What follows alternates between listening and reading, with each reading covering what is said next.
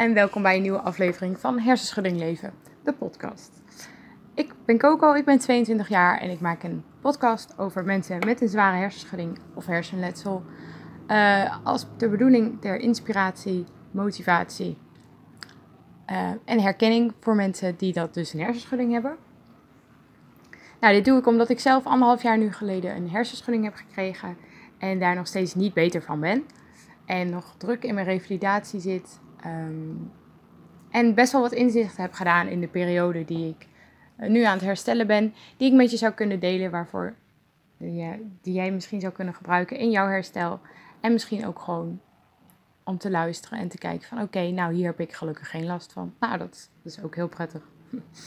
In de vorige aflevering heb ik het gehad over onzichtbaar ziek zijn. Ehm, wat dat eigenlijk doet met anderen. Als in Um, dat er, er is iets veranderd in jou, omdat jij op het moment iets hebt meegemaakt waardoor jij niet meer mee kan doen in de maatschappij zoals je het eerst zou doen. Dus jij bent veranderd. Uh, en wat doet dit naar mensen? Hoe reageren mensen hierop?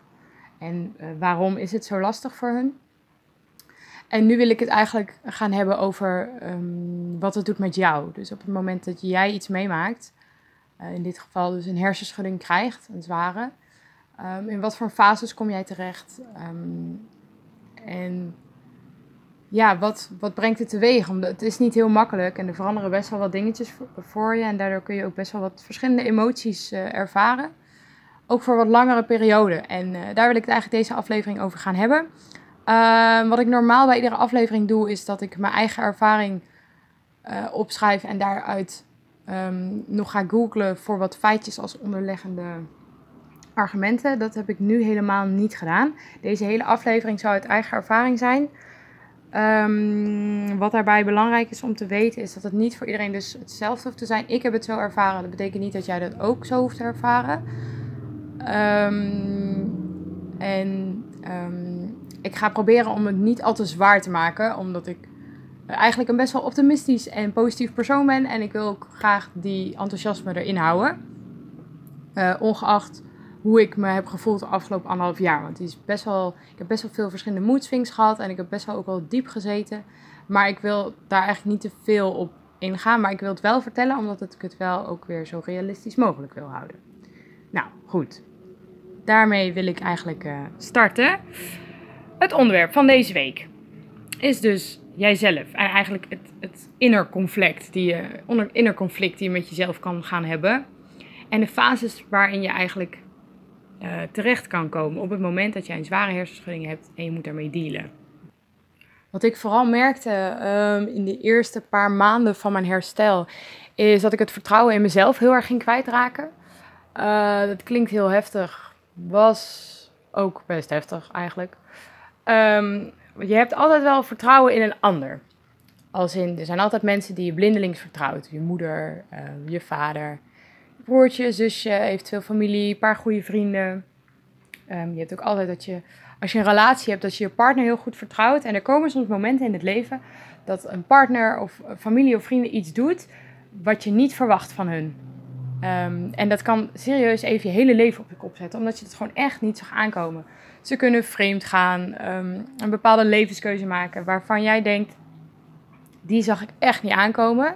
En dat heeft ook impact op jou. Want daardoor ben jij jouw vertrouwen in hun kwijt. Vooral als je een partner uh, bijvoorbeeld vreemd gaat. Dan kan je echt een vertrouwen kwijt zijn in diegene. En dat is geen goede basis om um, die relatie verder op uit te stuiten. Dus het is ook sommige mensen die kunnen dat vergeven en doorgaan. Sommige mensen lukt dat niet en breken dan hun relatie op.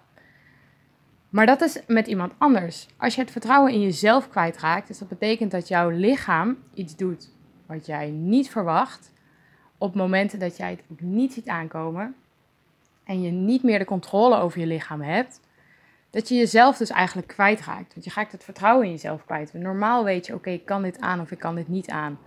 Of nou ja, we zullen zien, um, maar meestal is het wel heel verklaarbaar. Als jij drie keer achter elkaar bent wezen stappen, is het logisch dat je daarna heel moe bent en misschien wel even een tijdje even geen energie meer hebt. Maar dan is het verklaarbaar en dan weet je, oké, ik heb dit zelf gedaan. Maar als je lichaam je signalen geeft die je niet snapt, niet herkent, of misschien wel kan verklaren van, oké, prima, ze komen van een hersenschudding. maar je, je snapt jezelf niet meer, dan heb je geen goede basis om daarin verder te gaan. En dat is wel lastig. Want je hebt jezelf nodig in dit herstelprogramma. Je hebt jezelf nodig om verder te komen, om beter te worden. En je zult jezelf weer opnieuw moeten gaan leren kennen. Maar dat is best wel lastig. Want tegelijkertijd, als jij het vertrouwen in jezelf kwijtraakt, um, heb je een soort van oude ik. Je weet hoe je was, je weet wat je altijd hebt gekund. En dat is nu helemaal anders. Je hebt nu een soort nieuwe ik. De nieuwe kan dat allemaal niet en die snapt dat allemaal niet. En die gaat allemaal maar moeilijk doen en die komt weer om de hoek komen kijken als jij eens een keer iets wil doen. En dat kan heel erg lastig zijn, dat vertrouwen in jezelf. Um, het is natuurlijk de bedoeling op het moment dat jij gaat herstellen, dat je die vertrouwen in jezelf weer gaat creëren. Nou, om dat vertrouwen te creëren, maar ook om dat kwijt te raken, zul je eerst door een bepaalde fases heen moeten gaan, maar ook gaan. Iedereen gaat door die fases heen. Als je ziek bent, laat maar zeggen wat heftiger. En hoe ik die fase zelf heb herkend, is um, als de volgende fases. Ik heb eigenlijk de fase ontkenning, um, afzetten, ontdekking en acceptatie. Dat zijn voorbij een beetje de fases waar ik eigenlijk doorheen ben gegaan in dit herstelperiode tot nu toe. Uh, ontkenning was bij mij echt de eerste paar maanden. Ik denk de eerste drie of zo. Uh, daarna kwam eigenlijk afzetten en ontdekken. Dat liep eigenlijk een beetje door elkaar heen. Uh, het ene moment had ik heel erg zin of heel veel motivatie om verder te gaan. En het andere moment had ik er weer, werd ik zo hard teruggefloten en was ik weer boos op de hele wereld en snapte ik er niks meer van. En zette ik me af tegen alles waartegen ik me af kon zetten. Daarbij zat ook een hele grote periode van rouw. Um, omdat ik mezelf eigenlijk een stukje kwijt was. En daarachter ligt weer een positieve fase. En dat heet acceptatie. Acceptatie in de situatie hoe het nu is. Uh, maar acceptatie is niet meteen van, nou, ik ga accepteren dat mijn hersenen um, niet meer werken zoals ze zouden moeten werken en daar laat ik het bij. Want dat accepteer ik niet. Absoluut niet. Maar wel accepteren in, er is een ongeluk gebeurd. Um, het is hoe het nu is. En we gaan proberen om weer beter te worden. Maar het is nu niet hoe het had kunnen zijn. Dus ik had nu afgestudeerd kunnen zijn. En ik had nu kunnen werken. En ik had nu weet ik veel. Daar een soort van acceptatie is. Ik vecht niet meer tegen dat de situatie nu is hoe die nu is. En ik uh, ga, probeer er zo goed mogelijk mee om te gaan. Dat is een beetje de acceptatieperiode. Nou, die vier fases wil ik eigenlijk stuk voor stuk even gaan uh, ja, bespreken. Met daarin ook de dingen die ik ben tegengekomen, waar ik tegenaan ben gelopen, welke emoties ik heb ervaren. Maar ook welke dingen ik misschien beter had kunnen doen, zodat jij die misschien, um, nou, eigen zou kunnen maken. Weet ik veel. Doe er lekker mee wat je zelf wil. Goed. Om die fases zo goed mogelijk te kunnen uitleggen, uh, ga ik ook een beetje vertellen wat ik, hoe ik het heb meegemaakt en wat bij mij de situatie was.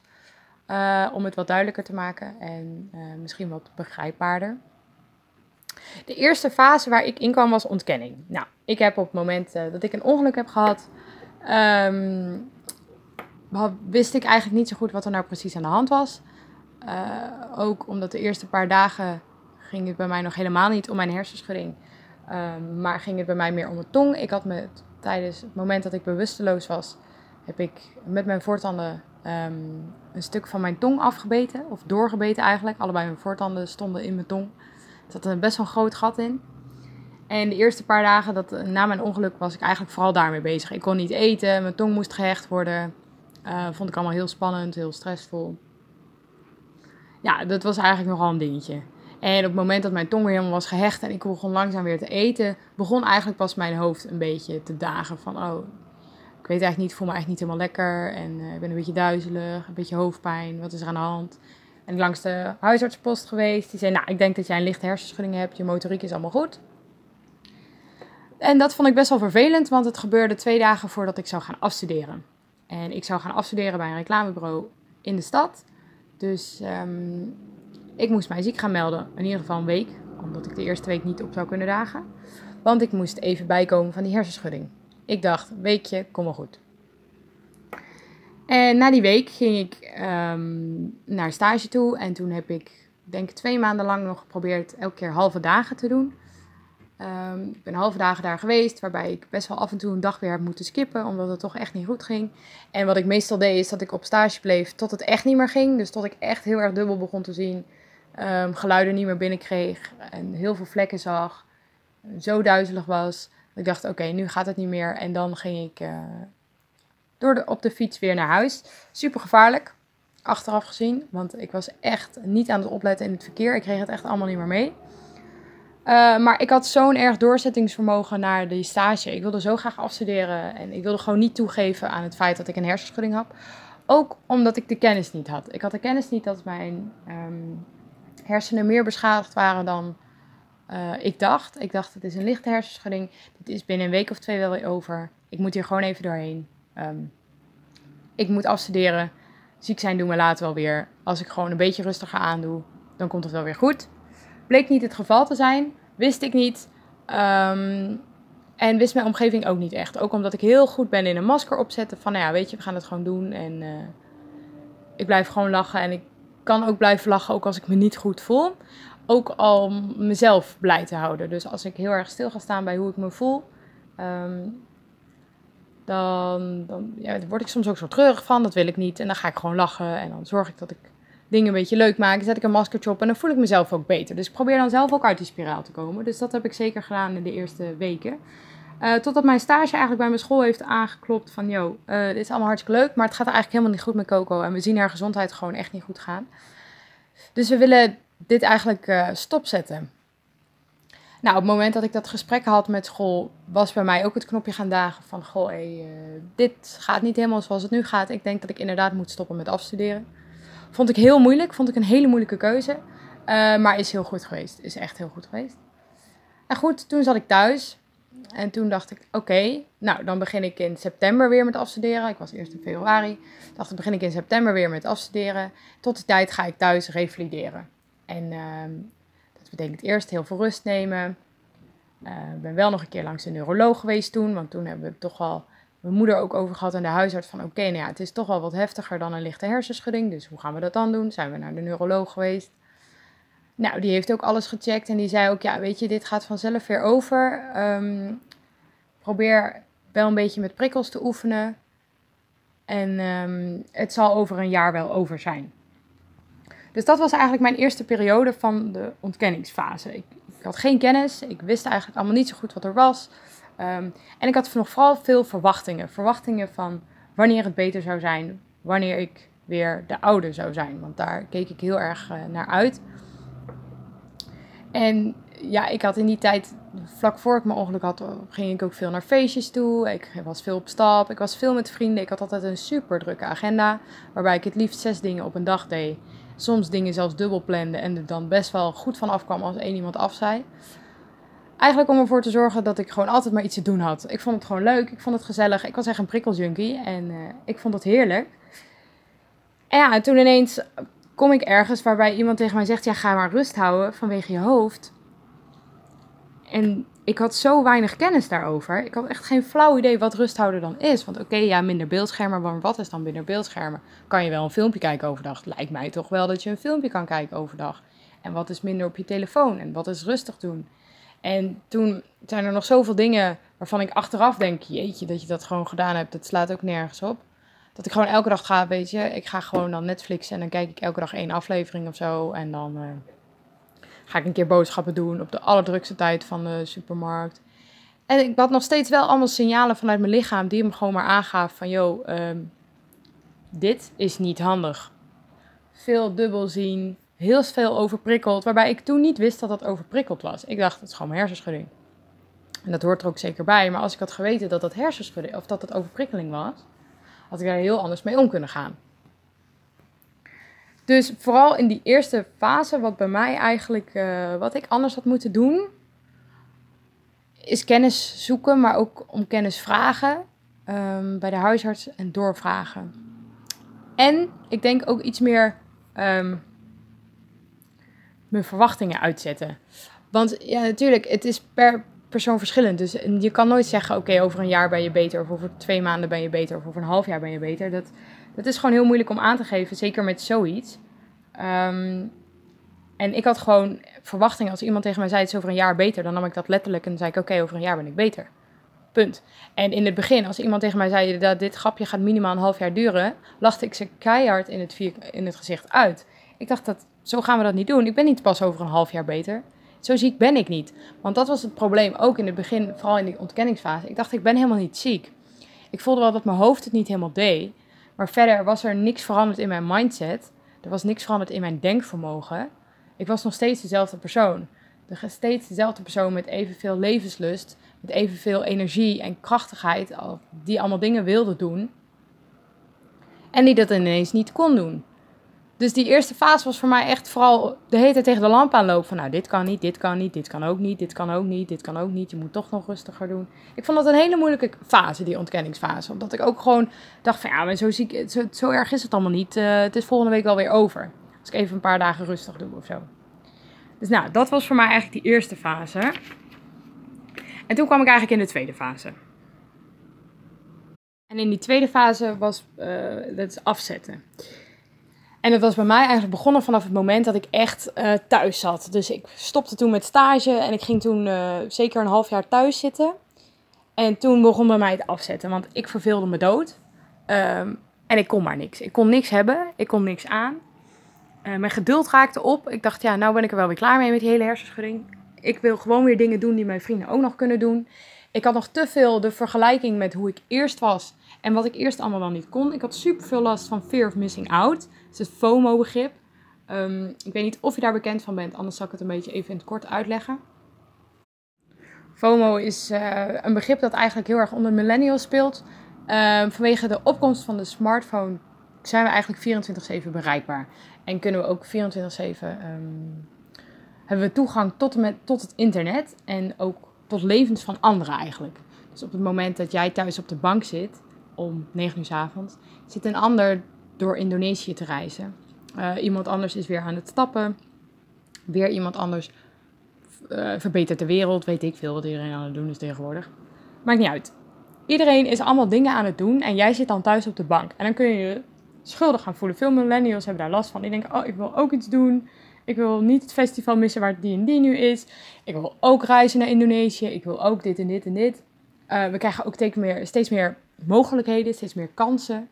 Um, tegenwoordig is het ook voor ons mogelijk om makkelijk naar Amsterdam te reizen. Om te kijken wat voor festivaletjes er morgen allemaal wel niet zijn. Waar we dan eventueel ook nog bij kunnen zijn. Ook als je totaal niet in de buurt van Amsterdam woont. Zoals wat ik doe. Ja, je, je kan steeds meer meemaken. En de, de mogelijkheden zijn steeds groter. Waardoor de angst om dingen te missen eigenlijk ook steeds groter is. Um, dit begrip speelt zich heel erg onder de, onder de millennials. Uh, omdat die ook via social media dus heel veel delen en zo.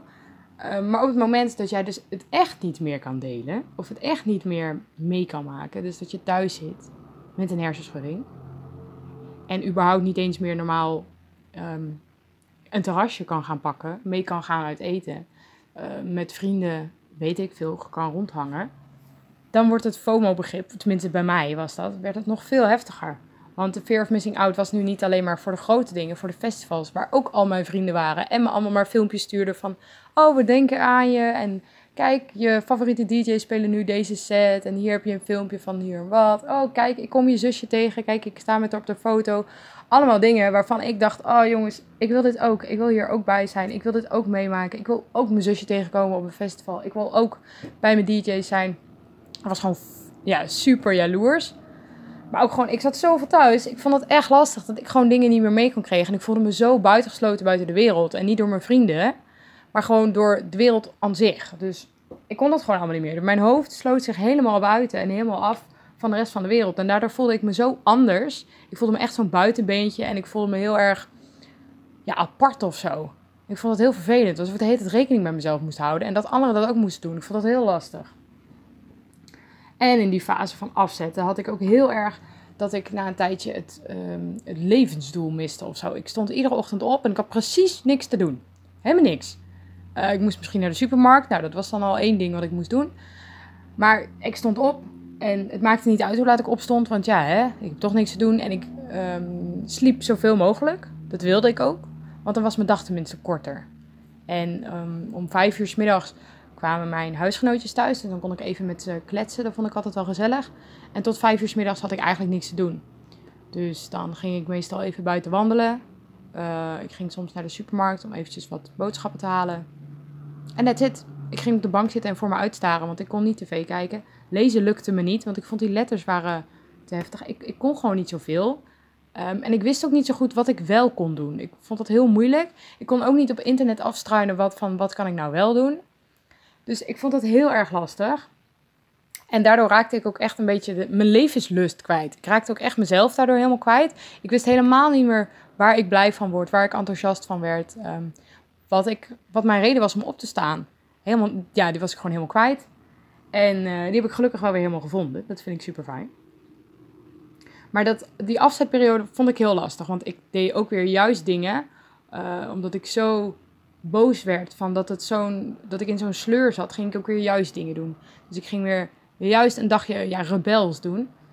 En dan ging ik juist ineens in de stad rondhangen. Juist een film kijken. Of drie achter elkaar. Want ik kon dan ook zo supergoed meteen overdrijven. En dan meteen doorgaan naar drie films.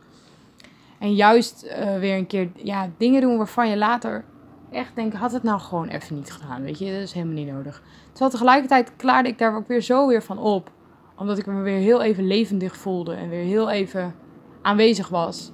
Um, ja, ik vond dat een hele moeilijke fase, die afzetperiode. Omdat ik ook ja, gewoon super eigenwijs ben. En ik was er ook gewoon helemaal klaar mee. Die hele hersenschudding vond ik zo irritant en zo vervelend en zo vermoeiend.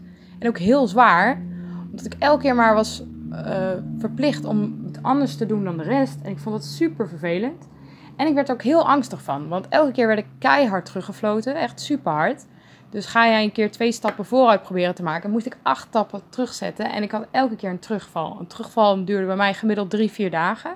Waarbij ik drie, vier dagen echt helemaal niks kon. Dus ik kon mijn bed niet uit. Alles deed pijn. Ieder geluid, ieder licht, ieder, alles deed pijn. Dus ik kon echt helemaal niks meer. En ik heb me echt dagenlang gewoon bijna niet van mijn kamer weten te verplaatsen.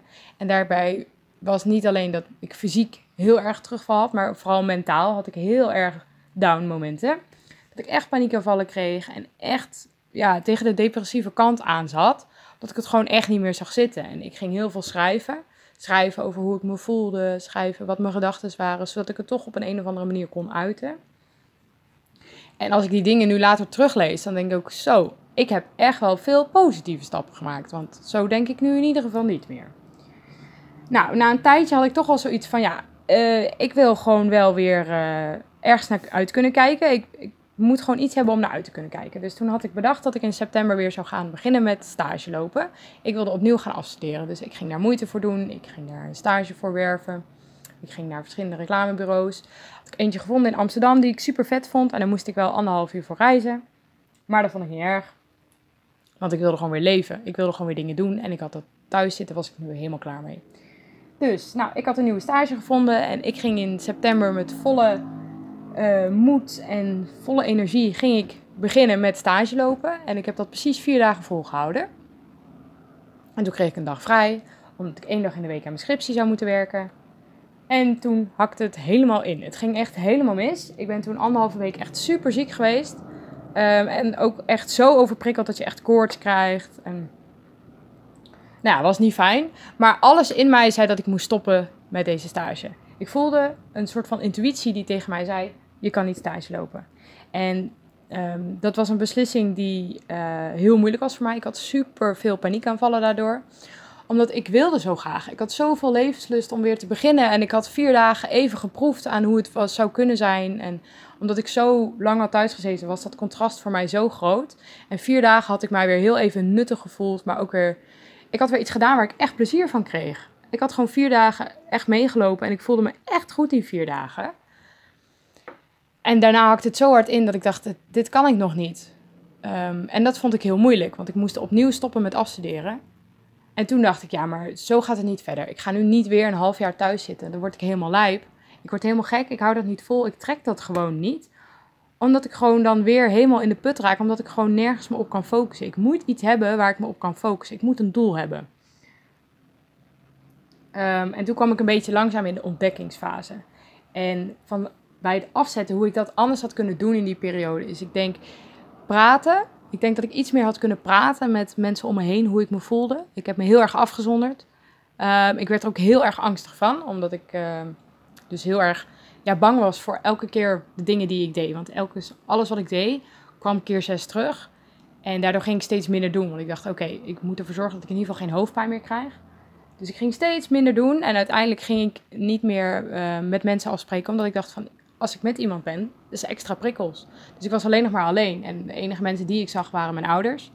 Uh, vooral mijn moeder en um, mijn huisgenootjes. En verder zag ik eigenlijk bijna niemand.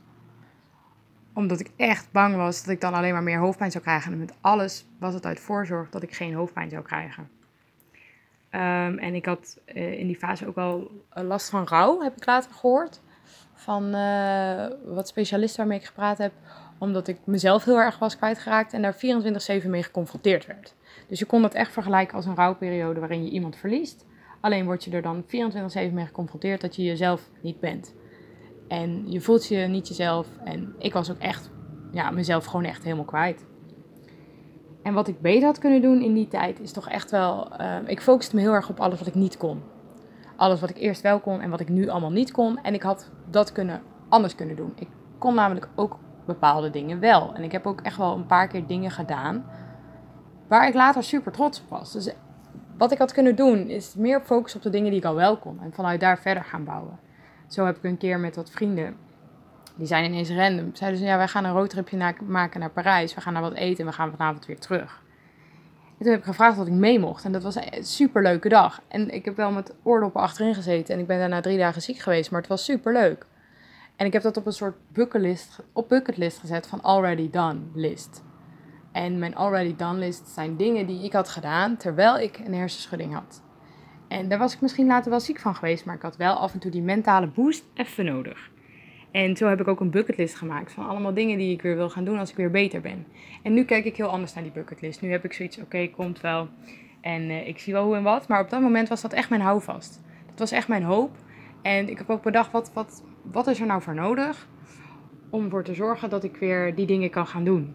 En bij mij was de grote hoofdvraag, ik was op zoek naar begeleiding en naar revalidatie. Iemand die mij hierbij kon helpen, die mij kon gaan ondersteunen, die mij kon gaan vertellen wat normaal was en wat niet normaal was. En hoe ik dat moest gaan doen, want ik deed het nu allemaal zelf en dat vond ik heel lastig. Want ik had de kennis gewoon niet. Ja, tegelijkertijd met die afzettingsfase liep eigenlijk ook een beetje mijn ontdekkingsfase. Uh, dat liep een beetje door elkaar heen. Omdat de neuroloog ook tegen mij had gezegd van ja, ga maar oefenen met prikkels. Um, en wat ik heb gedaan nadat mijn, uh, ik dus die stage had geprobeerd in september, één week um, dacht ik, oké, dit gaat voor mij zo niet verder. Ik kan niet um, nog een half jaar thuis zitten, want dat brengt me niet verder. Ik kan nu niet meer uitrusten dan dat ik heb gedaan thuis. Ik zal mezelf nu toch echt moeten gaan uitdagen tot bepaalde hoogte om beter te worden. Want thuis zitten word ik niet meer beter van nu. Uh, dus toen heb ik gesprek gehad weer met de neuroloog van hoe moet ik het nou doen? En wat zijn voor mij de stappen die ik kan gaan zetten daarin? Um, en hij zei ook van ja, zoek naar iets van een revalidatie programma waar je aan mee kan doen. Um, en tegelijkertijd probeer te starten met parttime werken. Tot maximaal 20 uur, zodat je in ieder geval iets kan gaan doen om prikkels te oefenen. Iedere keer dat je oefent gaat steeds wat beter. Dus dat werd een beetje mijn houvast. Ik ging werk zoeken. En um, uiteindelijk heb ik in november, ja, in november heb ik werk gevonden. Um, bij de Hunkemullers. Super blij mee, super leuk. Die mensen zijn ook super lief voor mij. Die houden echt heel veel rekening met mijn hoofd en um, hoe en wat. Maar goed, die ontdekkingsfase. Dat is misschien nog wel, vond ik, een zwaardere fase dan die uh, afzettingsfase. En waarom? Omdat je daarin um, op ontdekking gaat. Op ontdekking naar je grenzen. En die gaat verleggen. Maar grenzen verleggen betekent dat je er overheen moet. En dan moet je weer stapjes terugnemen. Dan moet je even rust nemen. En dan kun je jezelf weer uit gaan dagen. En zo de hele tijd. Dus de hele tijd wordt er geconfronteerd met je eigen grenzen. Je moet daar de hele tijd overheen. Je gaat daar ook de hele tijd overheen. Tenminste, ik deed dat wel. En dan word je weer teruggeroepen. En ik werd daar zo moe van. Ik leefde echt in die tijd met ups en downs en ups en downs en ups en downs. En dat is heel zwaar. Want ik had af en toe echt dagen die waren echt ups. En die ups waren zo daar had ik zoveel houvast aan. Ik werd daar levendig van. Ik haalde daar zoveel energie uit. Ehm, ik kreeg daarin weer hoop in het leven. Ik had, kreeg daar weer zin in. Ehm, ik, voel, ik zag het weer voor me dat ik weer beter was en weer dingen kon doen. En dan werd ik vier dagen later weer zo hard teruggefloten van, nou ja, dit was je grens, nu moet je weer rustig gaan doen. En dan zag ik het weer helemaal niet zitten en denk, oh, ik word nooit meer beter en het wordt alleen maar erger. En ehm, dan kreeg ik weer paniek en was ik weer helemaal depressief en dan zag ik het weer allemaal niet zitten. Dus ik vond dat een hele moeilijke fase, die ontdekkingsfase. Ik ben daar nog steeds zeker nu in bezig. Um, nou moet ik wel zeggen, ik heb mijn revalidatie. Nou ja, ik, heb eigenlijk, ik ben begonnen in november met werken. Uh, dan heb ik denk ik sinds november mijn grootste stappen gemaakt. Ik ben echt heel veel vooruit gegaan. Uh, dat ging wel heel, moeilijk, heel moeizaam. Heel veel uh, teruggeroepen elke keer. Maar wel verder gegaan. Ook omdat je een soort werkplicht hebt. Dus je zult wel moeten. Je kan je niet altijd ziek melden op werk. Um, ik heb een tijdje in overlevingsstand gestaan voor mijn idee. Dat ik echt... Mijn leven draaide alleen maar om het werken. Dus buiten het werken kon ik helemaal niks. Um, en deed ik ook echt helemaal niks. Omdat ik, mijn angst was te groot daarvoor. Dus ik deed maar niks om ervoor te zorgen dat ik kon werken. Want dat was echt mijn houvast. Zolang ik maar kon werken, want dan zou ik beter worden. Dat was mijn uh, gedachte erachter. En ik vond mijn werk echt super leuk. Daar haalde ik echt super veel energie uit. Ik vond het heel leuk om mensen te helpen. Um, passie voor het bedrijf. Ik had echt passie voor de producten die we verkopen. Nog steeds heel erg. Dus ik vind het echt super leuk. En ik haalde daar echt wel positieve energie uit. Ik vond het ook wel helemaal leuk om ja, me weer fatsoenlijk aan te kleden, weer leuke kleding aan te doen, ehm, er echt weer representatief uit te zien. Dus in dat opzicht had ik mijn levenslust echt alweer terug. Uh, alleen mijn angst was bij mij echt een dingetje. Dat, daar moest ik echt wel een beetje een gevecht mee aangaan. En ja, hoe dat, ik heb dus eigenlijk vanaf daarna best wel een beetje in een uh, negatieve spiraal gezeten wel. Omdat ik het heel leuk vond om weer te werken. Maar ik vond het ook heel eng. En ook heel eng om dingen te doen. Dus ik zat een beetje um, dat ik nog wel niks daarbuiten durfde te doen, omdat ik bang was dat het weer erger zou worden. En ja, dat blijft dan in zo'n visuele cirkel uh, doorgaan. En ik heb me heel erg door angst laten leiden toen. En tegelijkertijd had ik ook dat ik af en toe, als ik dan een keer iets buiten werk deed, dat ik dat zoveel meteen proefde naar meer. Ik wilde meteen zoveel meer. En nog steeds was het jammer, vroeger kon ik dit wel. En um, sommige dingen deden me zo aan vroeger denken, aan de oude ik dat ik dat dan zo graag weer wilde en zoveel me daar vast ging klampen en dan ook weer werd teruggetrokken. Dus dat vond ik dan weer zo lastig. En het is eigenlijk heel erg veranderd sinds ik mijn revalidatieprogramma heb gestart. Ik ben begin van de zomer uh, twee weken revalidatie geweest bij Move the Brain. Uh, daar wil ik daar sowieso nog wel een keer wat uitgebreider over vertellen wat die revalidatie voor mij heeft betekend. Want denk dat dat toch wel mijn hele mindset heeft veranderd. En daar ben ik blij mee, want doordat mijn mindset nu echt is veranderd, um, zie ik nu ook het revalideren helemaal positief in. Ik ben altijd een heel positief persoon geweest en ik heb zeker wel een paar keer in de put gezeten, maar ik heb het altijd wel positief gezien. En um, nu heb ik ook weer echt de hoop en de vertrouwen erin dat het weer goed gaat komen. Wanneer, dat weet ik allemaal niet, maar dat zie ik allemaal nog wel. Um, maar zij hebben mij veel dingen laten inzien en zij hebben mij ook getraind. Ze hebben mijn hersenen getraind door middel van neurofeedback wil ik allemaal nog wat meer op ingaan. Maar in ieder geval, mijn revalidatie heeft ervoor gezorgd dat ik een andere mindset kreeg. Dat ik wat realistischer doelen kon opstellen. Dat ik wat beter kon reflecteren daarna. En dat je soms door bepaalde dingen heen moet gaan. En jezelf moet blijven uitdagen. Um, en ik moet van hun uh, begeleiding zoeken, hulp zoeken. Nou, dit is echt pas negen weken geleden of zo, zei laatst een iemand uit mijn groep. Dus dit is nog helemaal niet zo lang geleden voor mij dat ik daarmee ben begonnen. Um, maar daardoor zie ik het wel helemaal positief in. En ja, zie ik het nu als een leuke periode die ik tegemoet ga. Waarbij zeker wat minder dagen komen. Um, maar ik zie het wel als iets leuks. Ik ga er nu echt voor werken en ik ga mezelf werken. En dat is echt helemaal top. Dus dat is heel fijn. Dus ja, ik blijf mezelf motiveren. Dus wat ik zeker kan adviseren is zoek hulp. Zoek mensen die je gaan helpen en die jou daaruit kunnen halen. Omdat je echt als je het zelf doet, in zo'n cirkel blijft hangen. En ik wil dat niet toegeven, hè, want ik ben super eigenwijs. Dus als mensen tegen mij zeiden, ja, nee, maar je zit in die spiraal en daardoor blijf je erin zitten. En dacht ik echt, ja, ik ben toch niet gek. Hallo, ik ga toch niet mezelf aanpraten dat ik het hoofdpijn heb. En ik wil ook zeker niet zeggen dat ik dat heb gedaan. Maar ik wil wel zeggen dat zolang ik in die cirkel blijf zitten, wordt het in ieder geval niet minder. Dus op zich zit er iets van waarheid in. En daarna komt de volgende fase, ja, en die is acceptatie.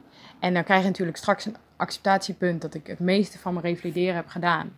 En dat dan ja, laat maar zeggen, 80% van het werk is gedaan en dat de rest zal komen met de tijd. Maar vooral acceptatie in hoe, wat er is gebeurd en hoe ik me heb gevoeld en hoe ik daarmee om ben gegaan. En hoe ik nu een beetje kijk is, ehm, ik ben er niet heel blij mee dat het ongeluk is gebeurd, maar het had wel moeten gebeuren, denk ik. Ik uh, heb veel positieve dingen geleerd. Ik kan ook best wel zeggen dat het ergens misschien wel nodig was om bepaalde persoonlijke ontwikkelingen door te maken. Dus daarin ben ik eigenlijk best wel dankbaar dat het is gebeurd. Um, en ik kan nu ook veel blijer zijn van de kleine dingen. En ik heb wel heel erg geleerd om heel anders naar dingen te kijken. Dus ja, ook naar mensen toe ben ik wel echt wat anders. Ik ben echt gegroeid en ik heb voor mijn idee ben ik wel echt positief veranderd. En ook naar mezelf toe. Ik kan een stuk beter voor mezelf zorgen nu. Dus daarin ben ik eigenlijk heel blij. En uh, ja, voor mij die acceptatiefase betekent niet dat ik het leuk vind wat er is gebeurd. Ik sta er ook zeker niet achter wat er is gebeurd. Um, maar ik vecht er niet meer tegen. Het, is gebeurd en um, ik heb het nou eenmaal. En ik ga er gewoon mee leren om te, uh, ja, proberen om te gaan op een zo goed mogelijke manier en zo goed mogelijk uit te slaan. En ik verwacht wel dat ik hier straks sterk van word. Dus op zich heb ik nu ook wel echt momenten waarvan ik denk: wow, ja, ik ben weer wie ik was. En ik, ben, ik zal misschien niet meer de oude worden, maar ik word wel een nieuw iemand. En die nieuw iemand wordt wel heel sterk met goede zelfreflectie en goede zelfontwikkeling.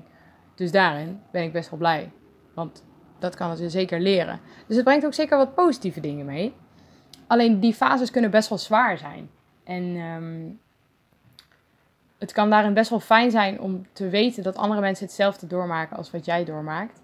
Ik heb ook met die mensen tijdens mijn revalidatieprogramma, die dus ook dat programma volgt, ook gepraat. En het, het horen dat die dat ook meemaakt en dat die dezelfde dingen hebben gedacht in die fases, vond ik heel fijn. Ik wist, oké, het ligt niet aan mij. En zij zijn ook de controle over hun lichaam kwijt. En zoeken die ook weer terug. En we hebben allemaal weer problemen met ons zelfvertrouwen, maar we gaan er allemaal weer naar vechten. En we zijn allemaal toen zo gegroeid. Dat was echt zo mooi om te zien. Dat ik zeker weet dat jij dat ook kan. Dus laat me weten in welke fase jij zit, wat voor dingen je doormaakt en wat voor dingen um, je vastloopt. Laat het me weten. Misschien kan ik je ergens in helpen. Misschien kunnen we elkaar ergens in helpen. Doe dat via de Instagram Hersenschudding Leven. Daar kun je me op bereiken. Vind ik super leuk als je dat doet. En dan wil ik eigenlijk het hoofdonderwerp een beetje afsluiten. Ik vond dit niet de meest positieve aflevering, maar wel een hele eerlijke en misschien wel een goede. Dus ik hoop dat je er iets aan hebt. Uh, dan wil ik nog een doel stellen voor deze week. En het doel voor deze week voor mij wordt denk ik Uh, ja, wat wordt mijn doel eigenlijk? Daar heb ik nog helemaal niet over nagedacht. Ja, ik denk toch wel mijn positieve mindset door blijven gaan. Want ik had de afgelopen week had ik best wel een, uh, mijn eerste week na de vakantie. En uh, dat vond ik best wel zwaar. En ik ben weer begonnen met sporten en begonnen met alles. Maar ik merkte dat ik daardoor wel weer een beetje in een dipje zat. En er eigenlijk niet meer zo zin in had. En ik wilde het dan wel doen, maar ik zag er allemaal niet helemaal rooskleurig meer tegenaan. Maar dat wil ik eigenlijk wel doen. Dus ik denk dat ik daar gewoon even doorheen moet.